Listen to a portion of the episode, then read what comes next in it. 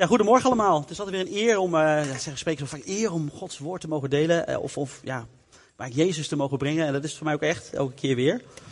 En uh, even, even er nog wat, wat tussendoor. misschien missen we wat mensen, wat Irakese en Irake, Iranese vrienden. En wat mensen die daar mee omgaan. Maar Kesra, ik weet niet of mensen hem kennen. Kesra wordt vanochtend gedoopt in ons andere filiaal in de evangelische gemeente hier. En ik hoorde net de laatste informatie dat hij zelfs wordt gedoopt in het Bronsbergen in het meer. Dus ik was wel uh, echt overtuigd dat hij. Uh, dus ik weet niet of mensen Kestra kennen, maar hij is uh, volgens mij Iranese vluchteling hier in Nederland terechtgekomen en in Zutphen en laat zich vanochtend dopen. Dus daar ben ik heel blij mee. Super gaaf. Amen. Amen. Ja, ik, nog een ander ding wat ik graag wil delen. Ik, we waren straks aan het, aan het bidden en, en ik, ik, ik zag in één keer een hele grote hand. En ik geloof dat dat de hand van God was. En die echt ons echt als gemeente echt een soort zegen op ons legde. En God zei, het is goed. Er kwam zoveel vrede en ik zag die hand en alle mensen die hier zaten en stonden, dat was bij het lied. Die, ik ervoer gewoon dat God zei, het is goed. Daar wil ik jullie mee bemoedigen. Als gemeente willen we mee bemoedigen, maar ook elkaar. Of tenminste, jullie mee bemoedigen dat, dat God vanochtend tegen jullie wil zeggen, het is goed. Amen. Hey, vanochtend wil ik, uh, wil ik het gaan hebben. Oh, foto. Vanochtend wil ik het gaan hebben over uh, het volgende. Er zijn, er zijn eigenlijk twee vragen waar uh, eigenlijk alle mensen, inclusief mezelf, altijd mee over nadenken. En die twee vragen die dat zijn, dat zijn eigenlijk de vragen: ben ik wat waard? En ben ik geaccepteerd? Dat zijn eigenlijk vragen waar je als mens, volgens mij en ik zelf ook, eigenlijk bijna dagelijks over nadenkt. In situaties waar je bent, waar je komt, waar je met iemand praat. Ben ik, ben ik, ben ik het wel waard? Ben ik wat waard? En ben ik geaccepteerd? En daar wil ik het vanochtend uh, uh, ja, een klein beetje jullie mee te nemen in hoeveel we waard zijn. En uh, ik kan niets anders dan over Jezus vertellen. En daar wil ik ook over beginnen. Er staat daar is het kruis, het kruis van Jezus. En we weten allemaal dat Jezus gestorven is voor onze zonde aan het kruis. Dat Hij voor onze zonde op zich heeft genomen. En dat Hij voor ons aan het kruis is gegaan. Maar over het na te denken, om eens goed na te denken, tot je door te laten dringen. Is dat, en veel mensen hebben het wel eens gehoord, maar als ik de enige op aarde was geweest, dan was Jezus nog voor mij aan het kruis gegaan. Als, als u het enige op aarde was geweest, was Jezus nog voor jou aan het kruis gegaan. En daarmee wil ik meegeven is, dat de basishouding die we als christen mogen hebben, is dat we gigantisch veel waard zijn. Want Jezus zegt, ik ga in plaats van jou. Je bent zoveel waard dat ik mijn leven geef voor jou. En dat mogen we gaan beseffen. Want Jezus is voor ons al aan het kruis gegaan. En ja, ik weet niet hoe het is. Meestal denk ik, oh, Jezus kruis gaat allemaal door. Maar soms is het even goed om even na te denken van, oké, wat hield dat nou ook alweer voor ons in? Die Jezus Christus, geboren als mens, 30 jaar lang op aarde geweest. En hij kreeg zijn bediening. De Heilige Geest bekrachtigde hem. En na drie jaar, na drie jaar, ging hij voor ons aan het kruis. Na drie jaar te laten zien wie de Vader was. Na drie jaar, alle mensen, iedereen die hij tegenkwam, het evenbeeld van de Vader te laten zien. Te laten zien, oké, onze hemelse Vader. Ik ben een afspiegeling van de hemelse Vader. En uiteindelijk om, om bij die hemelse Vader te komen, om de mens weer in het reine te brengen met die hemelse Vader, zei Jezus, ik ga als offer aan het kruis. Jullie zijn zoveel voor mij waard. Ik leg mijn leven af om voor jullie aan het kruis te gaan.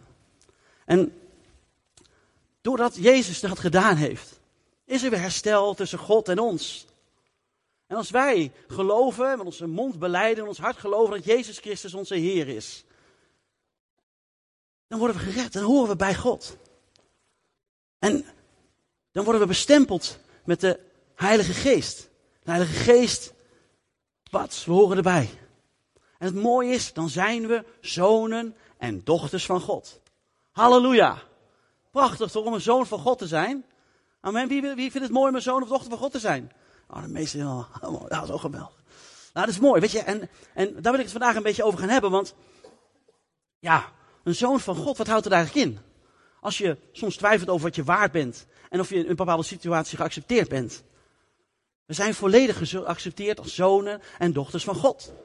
Alleen ik ben heel eerlijk, in mijn eigen leven, uh, met mijn verstand weet ik dat. Als ik de Bijbel lees, dan weet ik het ook. Als ik soms een preek hoor, dan hoor ik het ook. En dan heel eventjes, dan denk ik, oh ja, op dat gebied heb ik het.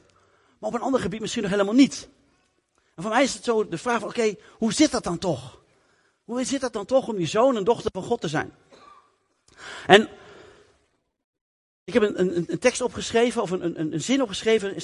Zij die hun ware identiteit ontdekken, gaan doen wat ze doen omdat ze zijn wie ze zijn. Ik haal hem nog een keer. Zij die hun ware identiteit ontdekken, gaan doen wat ze doen omdat ze zijn wie ze zijn. Vandaag eh, neem ik je kort mee in het, uh, in het gedeelte om te gaan ontdekken van, oké, uh, wat het belang is om geborgen te zijn in Christus en als zoon en dochter van God. Ik ga een aantal bijbelteksten ga ik voorlezen, gewoon om even het woord zijn werk te laten doen, het levende woord, om te, ja, te gaan beseffen, zijn we werkelijk kinderen van God. In Galaten 3, vers 28 en 29 zijn, staat, er zijn geen Joden of Grieken meer, slaven of vrije, mannen of vrouwen. U bent allen één in Christus Jezus. En omdat u Christus toebehoort, bent u een nakomeling van Abraham. U bent een erfgenaam volgens de belofte. Dat is gaaf, een erfgenaam volgens de belofte. Dus bij het zoonschap hoort een intieme relatie met God en een eeuwige erfenis. In Romeinen 8, vers 14 en 15 staat: Allen die door de geest van God geleid worden, zijn kinderen van God. U hebt de geest niet ontvangen opnieuw als slaaf in angst te leven. U hebt de geest ontvangen om Gods kinderen te kunnen zijn en Hem te kunnen aanroepen met Abba, Vader, Papa. Dus we zijn kinderen van God. Halleluja. En we hebben zijn erfdeel ontvangen. Dus, amen, dat is het dan.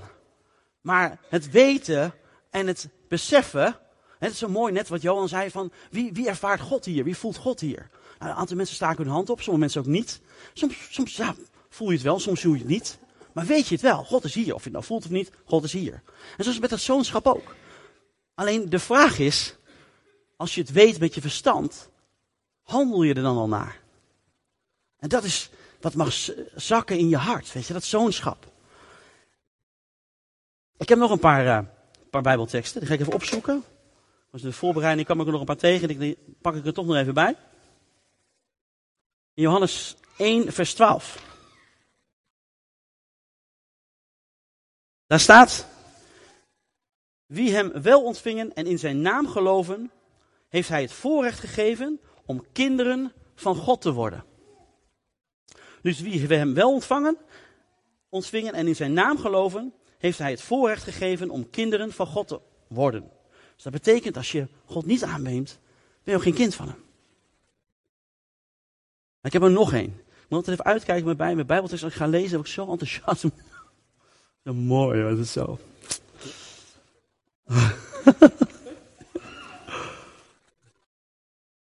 oh, Efeze heb ik. Efeze? Ja, Efeze.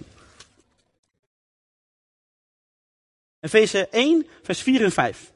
In Christus immers heeft God, voordat de wereld gegrondvest werd, ons vol liefde uitgekozen om voor Hem heilig en zuiver te zijn.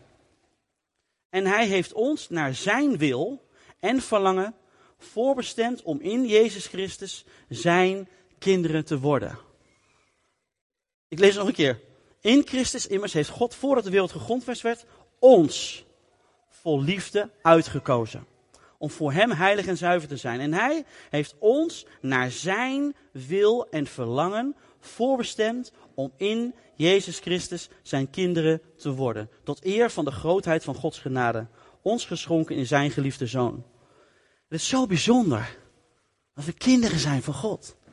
Het is zo bijzonder om uitgekozen te zijn door God. Wij zijn zijn kinderen. Wij zijn zijn zonen. En dochters. En ik heb nog een tekst erbij, gaan we verder nog. In Efeze 2, vers 17 en 19 staat: Vrede kwam hij verkondigen aan u die ver weg was, en vrede aan hen die dichtbij waren. En dankzij hem hebben wij allen door één geest toegang tot de Vader. En nu komt de tekst: Zo bent u dus geen vreemdelingen of gasten meer, maar burgers. Net als de heiligen en huisgenoten van God. We zijn huisgenoten van God.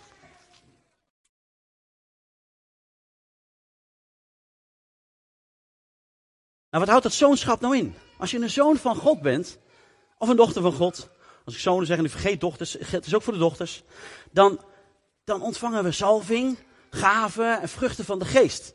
Dus we krijgen de Heilige Geest als voorschot. Hebben ontvangen als erfenis. En de Heilige Geest stelt ons in staat om, om bovennatuurlijke dingen te doen. Bijvoorbeeld evangeliseren eh, met goddelijke overtuigingskracht, hè, dat je wijsheid krijgt. Uh, vrijmoedigheid, genezing, bevrijding, wonderen, nou, gebed voor doorbraken. En, en bovennatuurlijke kennis en wijsheid. Dus dat houdt een, een deel van het zoonschap houdt het in. Het andere is dat we mogen wandelen in Gods geest. Wandelen met Gods geest. Dat betekent dat we voortdurend in contact zijn of kunnen zijn met de geest van God. En de Vader, Zoon en Heilige Geest is één. Dus zijn we constant in contact met God. Ik las het net al voor, Romeinen 14, uh, 8, vers uh, 14 en 15. Allen die door de geest van God worden geleid, zijn kinderen van God. Dus we kunnen ons laten leiden door de geest van God. En we hebben dus de geest ontvangen niet om nu als slaaf in angst te leven, maar om God de Vader papa te kunnen noemen. Dat zoonschap houdt de zin dat we die intieme relatie met elkaar aan kunnen gaan. En pas geleden was op WhatsApp was een kleine nou, discussie vond ik het niet. En degene waar ik het over had, ook niet, andere mensen wel. Is dat God spreekt altijd. Elke seconde van de dag spreekt God. Want ik geloof dat God altijd spreekt. Hij spreekt tot mij door de Bijbel. Hij spreekt tot mij door, door mensen heen. Hij spreekt door uh, mijn vrouw heen. Hij spreekt door onze kinderen heen. Door de natuur heen.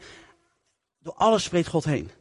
Het gaat er mij, het aan mij of ik, en dan hou ik het even bij mezelf, of ik bewust ben dat God elke seconde van de dag tot mij wil spreken. Het is een hele andere preek, maar God is een God van communicatie. God sprak en het was er. God wil communiceren. Dus voor mij praten is mijn, is mijn, eh, nou, is mijn hobby en uh, doe ik heel graag en veel. Tot ergernis van anderen soms. Maar ik, God spreekt heel veel uh, tegen mij. Maar ook met een gedachte. En ook ja, met alle dingen. En ik wil je echt mee bemoedigen dat God, het is echt waar. Ik geloof echt dat het zo is. En voel je nou niet minder als het niet zo is. Want ik geloof echt dat God met ons op reis is en dat het aan iedereen, met iedereen wil delen. Maar ik wil je wel bemoedigen en aanmoedigen.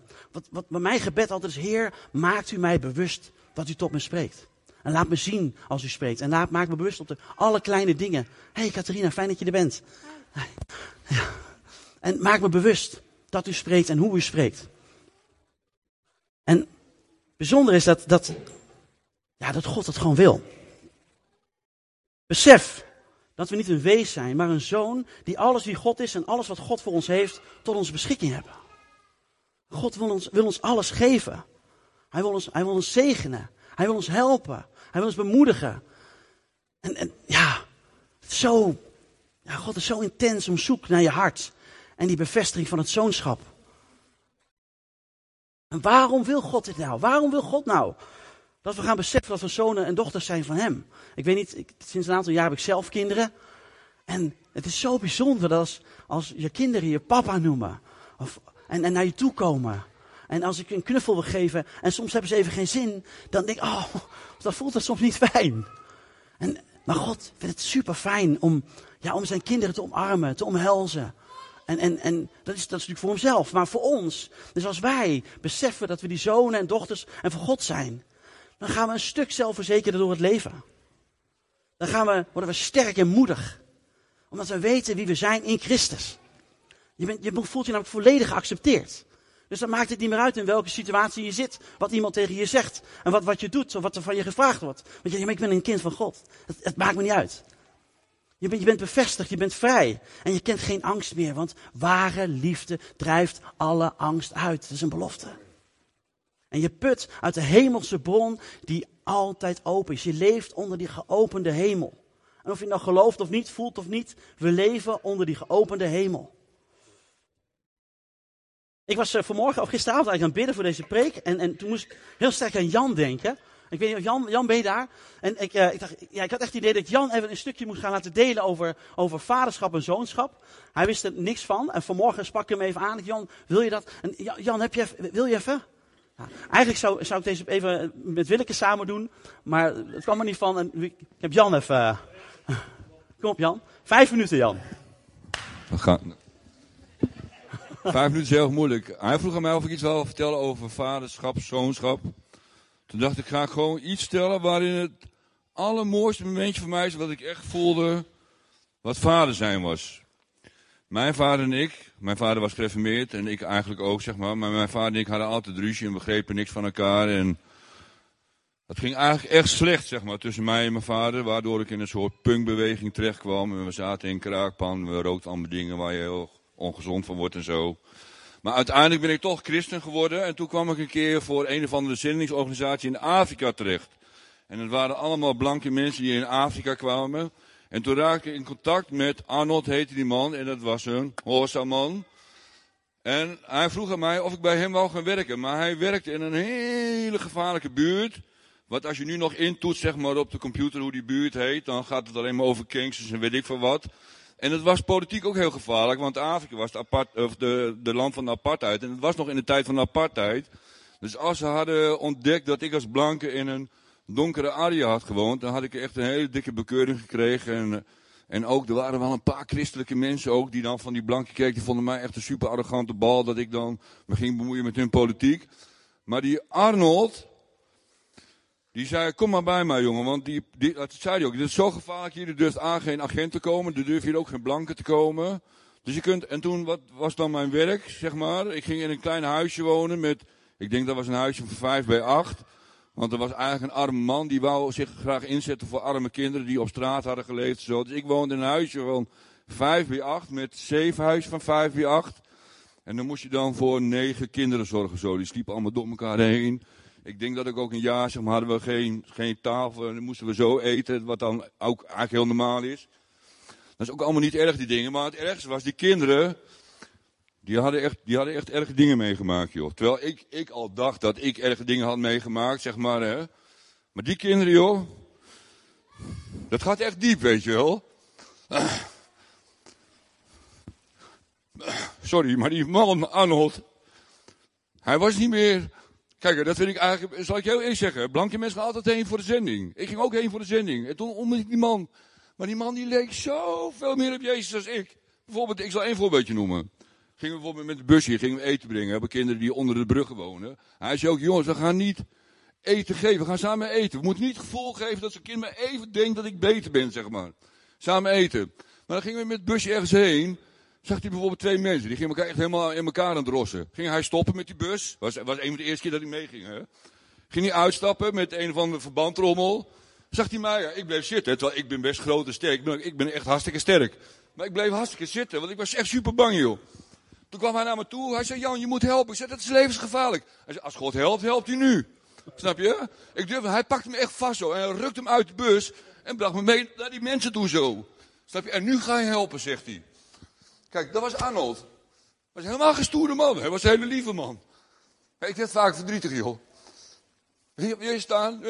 Weet je wat Arnold toen deed bij mij? Dan ging hij dit doen. Ging zo. En ik huilen, joh. Ik wist je wat het was. Hij liet mij zien wat een papa was. Hij liet mij zien wat liefde was. Door hem heb ik ook voorgenomen. Ik ga niet meer bang worden voor criminele buurtjes, wat dan ook, weet je wel. Want ik ben, nogmaals, ik ben echt sterk, jongen. Ik heb echt vaak gewonnen met vechten. Snap je? Ze hebben mij echt vaak stoel gevonden. Omdat ik won dat ik iemand een kaart te deun voor zijn bek gaf. Vonden ze echt, hè? Dan was ik echt een bikkel, jongen. Snap je?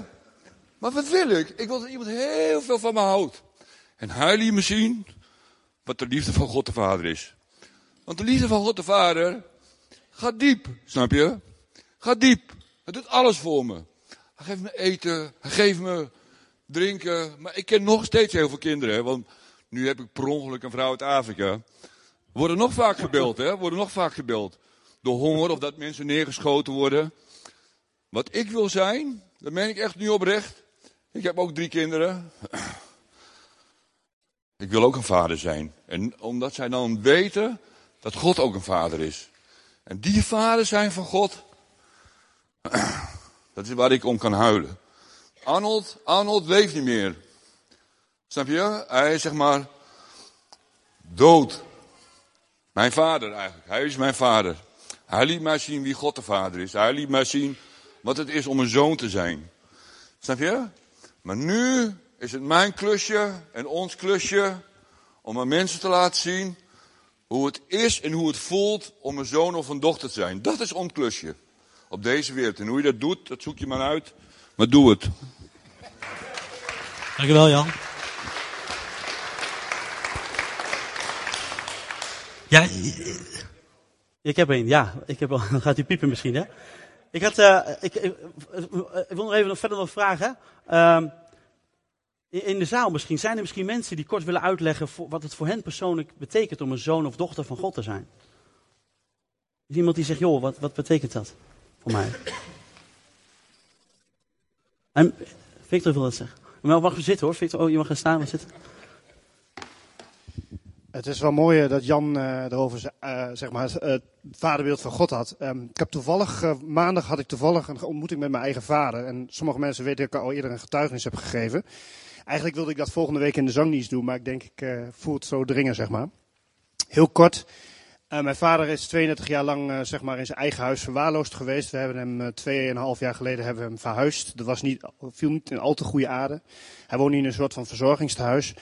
Maar God zei heel duidelijk tegen mij van ga hem meer bezoeken. En dat vond ik eerst gek, want ik dacht ja, ik wil liever van me afduwen. Maar maandag had ik echt, ja, ik kan echt zeggen dat ik echt een ontzettend goed gesprek met mijn vader had. En ik voelde voor het eerst eigenlijk, zeg maar, me echt een zoon bij mijn eigen vader, zeg maar. En um, ja, het is wel gaaf. Je, je hebt dan over je vader voelen, zeg maar. Ik heb zelf drie kinderen, maar het is ook goed om je inderdaad, wat Jeroen ook zegt, je een zoon of een dochter te voelen, zeg maar, bij, uh, hè? Dat je gewoon ook je aardse ouders, als je die hebt, of als je die hebt gehad, of als je geen of wel kinderen hebt, zeg maar. Maar dat je. Ik voelde mij op dat moment echt een zoon. En dat vond ik zo mooi dat God het mij op dat moment echt dat gevoel gaf. Van je bent echt een zoon van je eigen aardse vader. En dat ik ook gewoon trots op mijn eigen vader mocht zijn op dat moment. Dat was heel gek voor mij, omdat ik eigenlijk van gescheiden ouders ben en eigenlijk nooit echt mijn vader heb, uh, ja, bij mijn vader ben geweest, zeg maar. Maar op dat moment gaf God mij echt dat idee, door, geloof ik, door zijn Heilige Geest. En dat wilde ik met jullie delen. Ja, mooi, dankjewel. Wat, wat... Dankjewel, uh, Victor. Zijn er weer mensen die, die dat misschien, nu hoeft geen getuigenis zijn, hoe, hoe, dat je het zelf ervaart om een zoon of dochter te zijn? Hebben mensen iets? Of misschien zal ik het wat, wat, nog wat persoonlijker maken. Ik hoop dat het een veilige setting is. En misschien moet het dit stukje misschien niet afspelen op internet. Maar wie worstelt er wel eens met het zijn van zoon of dochter van God? En wil daar misschien iets over zeggen? Iemand? Ja, begrijp ik hoor, het is ook een, eh, een, een vraag. Ik, ik, wat ik herken is natuurlijk bij, uh, bij, bij, bij, nou, bij Jan, en ik herken het natuurlijk ook bij, bij Victor. Ik heb zelf ook zo'n een verhaal, dat mijn vader niet heel, heel lang in, beeld is. Dus gelukkig is het nu allemaal geweest, het is nu alweer hersteld en het is in genezing. Maar je merkt toch wel dat, dat voor heel veel mensen door gebeurtenissen uit het verleden, dat dat, dat, dat heel lastig is. En uh, nu hoorde ik ja, en dat, dat werkt ook mee aan, aan het geaccepteerd zijn en het gewaardeerd voelen. En, en je, om te zijn wie je bent, maar ook om als, God als vader je te ervaren. Ik heb, kwam binnen hier in deze kerk tien jaar geleden.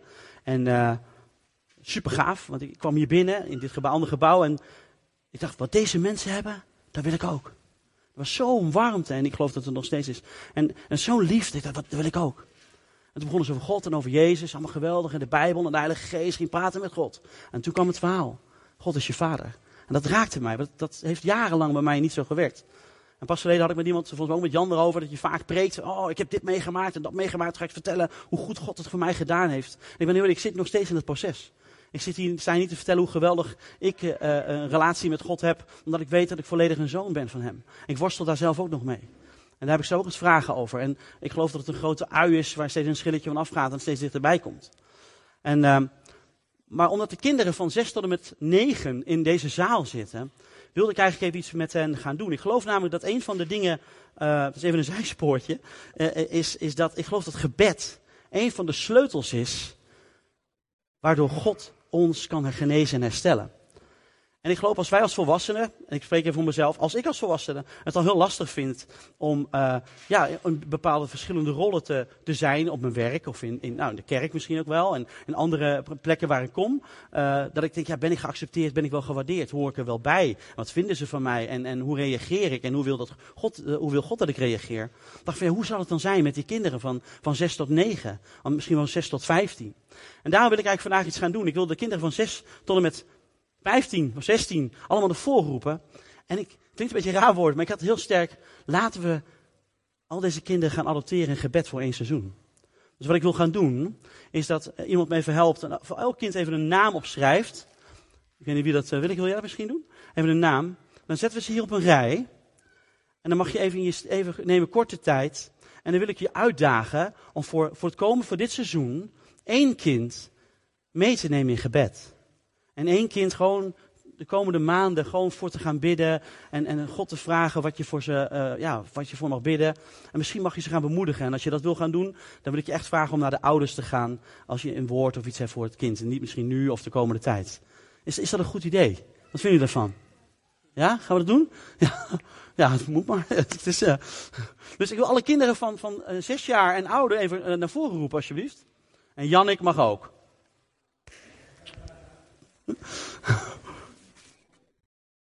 Ja, mag je hier gaan staan? Dan ik even, zeg maar even je naam.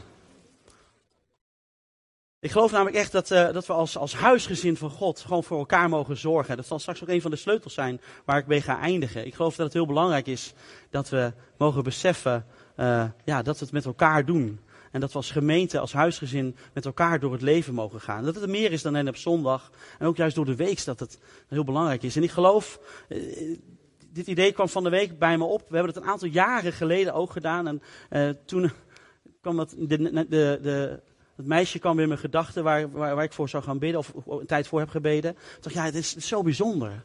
Want je, je, groeit ook met zo'n kind mee. Kom, kom. Ja. Ah, ah, kom op, je durft het wel, joh.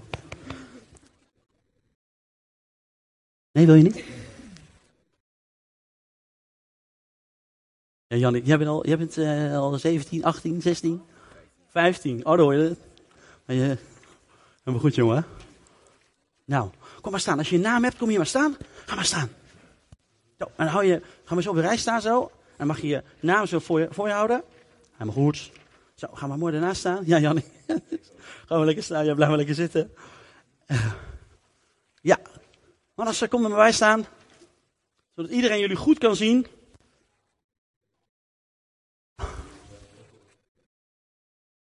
Podium, ja. Dan gaan we even op het podium staan. Gaat het goed met de draadjes? Klim maar even op het podium, man. Dan zeg kom maar op. Of kun je allemaal op? Ja. En Jan, ik mag blijven zitten hoor.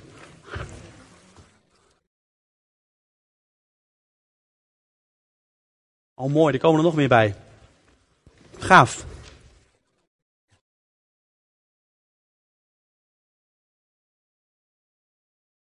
Nee, nee, nee, is goed. Nou.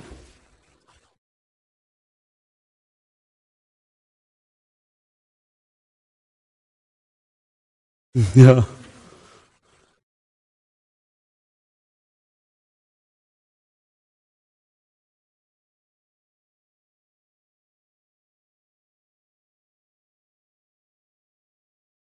Nou, mooi. Rowan, sta je dan?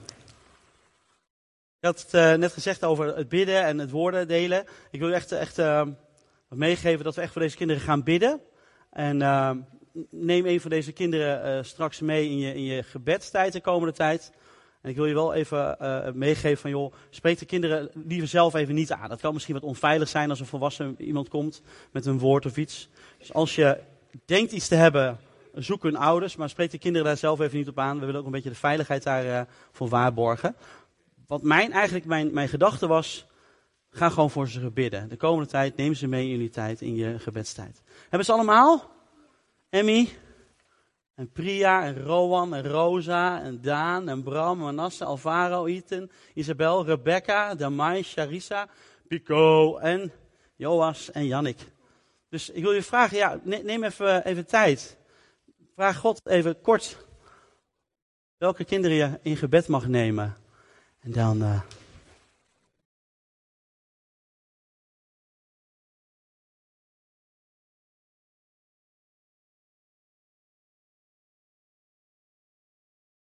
mensen, dit is onze toekomstige generatie. Hè? Zo'n paar jaar, dan leiden zij onze kerk.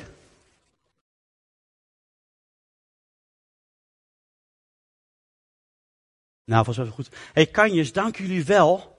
Goed gedaan zeg. Weet je wat we gaan doen? Deze mensen hebben allemaal één van jullie uitgekozen. En die gaan voor jullie bidden tot de Heere God. Die gaan jullie vragen, gaan God vragen om jullie te helpen op school. Of als je een keer misschien ruzie hebt of een keer moeilijk hebt.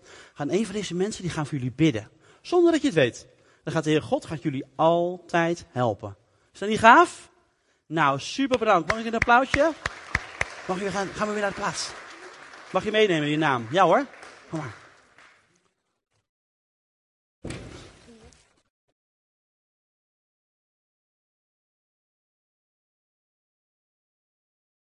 Ja, wat maakt het dan toch lastig om voor ons om, uh, om te accepteren dat we een zoon en een dochter zijn om daar, en daar vanuit te leven? Dat is wel grappig, hè? Dat, uh, moet je even denken, dat kan me geen verwijt zo, maar dat je misschien niet, dat nu niet durft te zeggen, heeft, zegt wel iets eigenlijk over acceptatie en over of je het waard bent of je iets durft te delen alleen al. Hè? Dus, uh, het, heeft ook met een veilige setting te maken, maar is dat bijzonder. Hey, wat, wat, maakt het dan toch, wat maakt het dan toch lastig dat, dat het belemmert? Wat belemmert nou het diepe besef om, om zoon en dochter van God te zijn? En ik geloof dat een van de dingen is, ik al besproken, maar een van de dingen is, ik geloof dat wat een, een, geest van slavernij er kan zijn. Ik geloof dat, dat in Galaten 4 vers 7 staat, u bent geen slaven meer, u bent kinderen van God. En als kinderen van God bent u erfgenamen door de wil van God. Dus dat betekent dat je slaaf kunt zijn. En ik geloof dat een van de, van de dingen waardoor je dus uh, niet het volledige zoonschap of dochterschap ervaart, is dat er een geest van slavernij is. En dat betekent, dat houdt eigenlijk in dat, uh, dat, dat de gedachte is dat hoe harder je werkt, hoe meer God van me houdt. Dat betekent eigenlijk dat, dat het afhangt van wat je voor hem doet, dat, dat dat in feite, uh, je, je moet eigenlijk Gods liefde verdienen. Dus hoe harder je werkt, hoe beter je best doet, hoe meer je dient, hoe meer je bidt, hoe meer je geeft, hoe meer, als ik maar beter, maar beter, beter mijn best doe, dan, dan, ja, dan, dan, dat is de geest van slavernij. Dan is dat volledig geaccepteerde zoonschap, is er niet omdat je elke keer denkt, ik moet het verdienen. Oh, nu heb ik, ik heb gezondigd, God is hartstikke boos, beginnen we helemaal onderaan. En dat is een leugen. En dat is een patroon wat misschien door je opvoeding of door waar mensen mee omgaat is gekomen. En uiteindelijk geloof ik dat er een demonische macht is die je daar in de greep heeft. En dat je daar gewoon, uh, ja, eigenlijk zonder hulp van God niet vanaf kunt komen. Hetzelfde verhaal is het met, met een, religieuze geest. Het kan dus zijn dat je door je opvoeding hebt gehoord van ja, uh, uh, God is een God die straft. Een kille God. Hij is streng. Hè, Christian vertelde het zo mooi. Hij zit een wolk met een bliksemschicht. En als je iets fout doet, dan is het klaar. Nou, als je zo bent opgegroeid, dan, ja, dan, ja, op den duur, dan, hoef je maar, dan geloof ik dat daar een demonische religieuze macht aan, aan komen vastzitten. En dan kun je je best doen wat je wil, maar dan kom je niet vanaf zonder de hulp van God. Geloof echt door gebed dat God dat vrij kan zetten. Nou, het andere is natuurlijk het, issue wat, wat net al, al twee keer naar voren kwam, en bij mezelf ook is, is vaderloosheid. Kijk, de tegenstander weet natuurlijk dat, dat, ja, dat die identiteit, dat we dat uit onze vaders halen. En ja, hij doet er alles aan om, ja, om, die, om, dat, om dat vaderschap, om dat kapot te maken. Twee verhalen. Ik, ik denk dat als we de hand op gaan steken, dat heel veel mensen de hand op zullen steken. Dat ze uh, misschien wel zonder vader zijn opgegroeid. Of dat hun vader niet de vader zou, was die ze zou moeten zijn. En ik geloof dat dat echt, uh, ja, echt een van de, van de dingen is waardoor we dus ook dat vaderschap moeilijk accepteren. En dat ik zelf dus ook heb meegemaakt. En ik geloof ook dat God daar genezing en herstel in wil brengen. Een ander ding waar ik in geloof dat, dat, dat het weerhoudt om, die, dat zoonschap volledig te accepteren, is de intieme relatie met de Heilige Geest. Er zijn heel veel mensen die denken, ja, God is Jezus en God is de Vader. En heb je Heilige Geest, ja, ja, kan ik daar dan mee praten? Ze zijn bang dat, dat dan de Heilige Geest te veel eer krijgt. En ik geloof dat, dat, dat de Heilige Geest juist ons altijd wijst naar Jezus en naar de Vader. Dus ik eer de Heilige Geest niet. Ik praat heel veel met hem, maar ik hij wijst me altijd naar het volbrachte werk aan het kruis. Hij wijst me altijd naar wat de Vader voor me doet en heeft gedaan. En dus belangrijk om te gaan beseffen dat die intieme relatie, die intieme omgang met de Heilige Geest, dat ik geloof dus dat God altijd tot je spreekt, altijd met je wil zijn, dat die relatie met die Heilige Geest, dat het een sleutel is want hij gaat je wijzen naar Jezus. Hij gaat je wijzen naar wie de Vader is en wat, en wat het zoonschap inhoudt. Hij is degene die je leidt door het woord van God. De Heilige Geest wil je echt helpen. En hij vertegenwoordigt namelijk de Vader en Christus in en onder ons. De Heilige Geest vertegenwoordigt. Dus ik geloof dat ook als je daar wat moeite mee hebt. eh, Kan ik bidden tot de Heilige Geest? Kan ik vragen aan de? Ik moet toch tot Jezus bidden? En hoe zit dat dan precies? Ik geloof als je daarmee worstelt, dat dat ook daarmee dat zoonschap, eh, ja, dat je, dat je daar wat moeite mee hebt. En het, laatste wat ik wil aanhalen, ik zeg even met je tijd, ja, is, is dat eh, afwijzing. Eigenlijk ik geloof dat een van de, van de sleutels waardoor je dus niet dat volledige zoonschap accepteert, is natuurlijk die afwijzing. Dat zit ook al in dat vaderloosheid. Maar afwijzing. Ook als een God een boze God is. Je bent afgewezen, je mocht er niet zijn. Of uh, je bent niet geliefd. Je was altijd te veel. En uh, ja, er zijn vaak veel negatieve dingen over je uitgesproken. Ach, het wordt toch niks wat. En jij kan toch nooit iets. En jij weet toch nooit iets. En, en ik geloof dat die afwijzing, dat, dat ja, als wij die relatie moeten op gaan bouwen met iemand. In het natuurlijke al, dat je daar last mee hebt. Maar als je dan met je hemelse vader een relatie moet bouwen. En je bent altijd afgewezen. En je hebt daar moeite mee. En daar zit een diepe wortel. Ja, dat het heel lastig is. Om dat zoonschap volledig te gaan, uh, gaan accepteren. Nou, ik, ik, ik wou afsluiten zo. En, en um, de, de, dingen die ik net besprak over de geestelijke zaken. Um, ik kan vertellen dat, dat voor je, de mensen die me kennen hebben het vaak gehoord. Ik was identiteitloos, afgewezen, uh, vaderloos. Ik heb alle dingen meegemaakt. En, en eigenlijk, uh, het leven wat ik nu leef had eigenlijk uh, niet, zo, niet zo kunnen zijn. Maar ik geloof dat een van de sleutels waardoor uh, God me heeft kunnen veranderen en heeft veranderd, is dat ik ben, ik ben hier in de gemeente in, in een dieptegebed gegaan. God, ik ben met God, ben ik op, op reis, of de Heilige Geest is bij mij op reis gegaan door mijn leven. En het bijzondere is dat God leeft boven de tijd. Wim zit er, Wim is, is zo'n held voor mij. Hij heeft me ook zoveel geholpen om, met, om, om mee te gaan, om terug in die tijd, in de gebieden waar die afwijzing plaatsvond. In de gebieden waar, uh, waar het pijn en verdriet plaatsvond. En we zijn, hij is teruggegaan, God is teruggegaan in de tijd en heeft me daar die genezing gebracht. Dus wil je echt aanmoedigen, dat als je worstelt met, met gedachten, en je denkt, ik heb ervoor gebeden, mensen hebben voor me gebeden, en ik snap het niet, en waarom komt dat dan niet, en waarom ervaar ik dat ook niet, en hoe, kan dat nou? Het kan zoveel mooier zijn, wat iedereen zegt, en iedereen is blij en ik niet. Ik geloof echt dat een van de sleutels is, als je een christen bent, ga bij ons langs bij het pastoraat. Want ik geloof dat zij met jou naar Jezus kunnen gaan. En zullen met jou uh, uh, je leven doorgaan. Waardoor je ja, patronen die gebeurd zijn, die aangedaan zijn, onterecht. Dat God die kan herstellen en weer terug kan maken. En dat is een reis. Ik ben er ook nog lang niet. Maar elke keer, elke keer gaan we, een stukje dieper. En ontmoet, ontdek ik weer wat. Hey, dat klopt niet. En dan gaan we in gesprek en dan gaan we op zoek. Waar, hey, waar, waar, zou er wat kunnen zijn? En zo gaan we voortdurend op reis. En merk ik dat die ui steeds verder wordt afgeschild. En dat ik steeds dichter bij het ontvangen van Gods liefde en volledige acceptatie en waardering on, uh, ja, ervaar ook echt. Dus ik wil je echt aanmoedigen. Als je daarmee worstelt. We kunnen voor je bidden, maar ik geloof echt dat je ook een dieper traject in mag gaan. En een van de sleutels is natuurlijk uh, uh, een nieuw begin. Om, om eerst de reis met God op te gaan. Ik geloof vanuit nieuw begin zullen ze je ook gaan helpen om te kijken van... hé, hey, waar worstel je mee? Waar loop je tegenaan? Het andere is dat ik geloof, en dat vond ik zo mooi wat, wat, wat Victor net zei van... Uh, ja, vaders zijn. Ik geloof dat we... Wat kunnen we als gemeente doen? Ik geloof dat als wij met elkaar met de ogen van God naar elkaar gaan kijken. Met de ogen van God naar elkaar gaan spreken.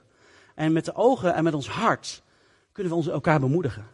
Ik geloof dat wij met elkaar als gemeente verantwoordelijk zijn, ja, voor hoe we spreken naar elkaar, hoe we kijken naar elkaar. En ik geloof dat we met elkaar uh, vaders en moeders en zonen en dochters kunnen zijn voor elkaar. Ik geloof echt dat als, als uh, mensen de gemeente zijn, ik heb daar moeite mee. Ik geloof echt dat wij als, als lichaamsdelen van, van Leef, uh, en ook voor andere gemeentes, maar dat we verantwoordelijk zijn voor elkaar. En hoe we naar elkaar kijken, hoe we naar elkaar spreken. En ik wil echt, uh, ik wil inclusief mezelf, ik wil ons echt aanmoedigen om een gemeente te zijn waar Gods liefde de boventoon heeft in ons spreken.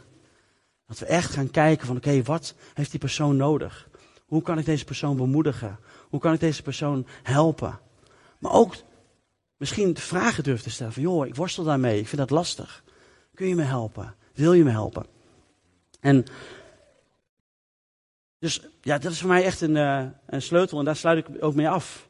Dat we als gemeente met elkaar uh, ja, elkaar mogen gaan helpen en bemoedigen om te gaan ontdekken wat het ware zoonschap inhoudt. Dat kan door, door het woord, dat kan door getuigenissen, maar ik geloof echt dat een van de sleutels is Dat we elkaar mogen gaan bemoedigen erin. Ik weet niet, de muziek mag, uh, mag komen als we gaan, uh, gaan spelen.